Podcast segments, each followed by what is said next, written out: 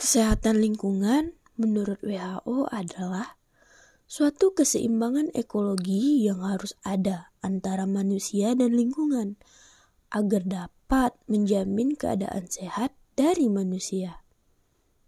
Hmm, coba deh lihat lingkungan sekitar kamu. Udah sehat belum ya?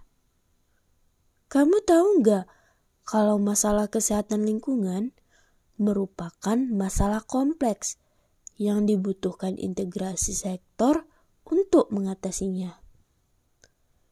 Kalau begitu, apa saja ya masalah kesehatan lingkungan itu? Masalah yang pertama adalah air bersih.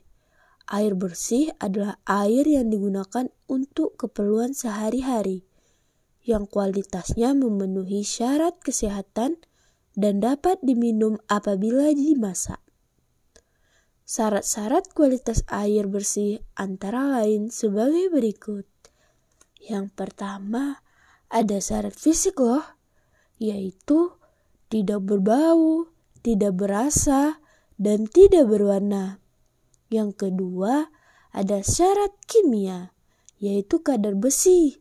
Yang ketiga, ada syarat mikrobiologis, atau kalifrom tinja serta total kalifrom yang maksimalnya 0 per 100 ml air. Masalah yang kedua adalah pembuangan kotoran atau tinja. Metode pembuangan tinja yang baik yaitu dengan jamban. Syarat sebagai berikut. Syarat yang pertama yaitu tanah permukaan tidak boleh terjadi kontaminasi pada air yang mungkin memasuki mata air atau sumur, serta tidak boleh terkontaminasi air permukaan. Yang kedua adalah tinja tidak boleh terjangkau oleh lalat dan hewan lain.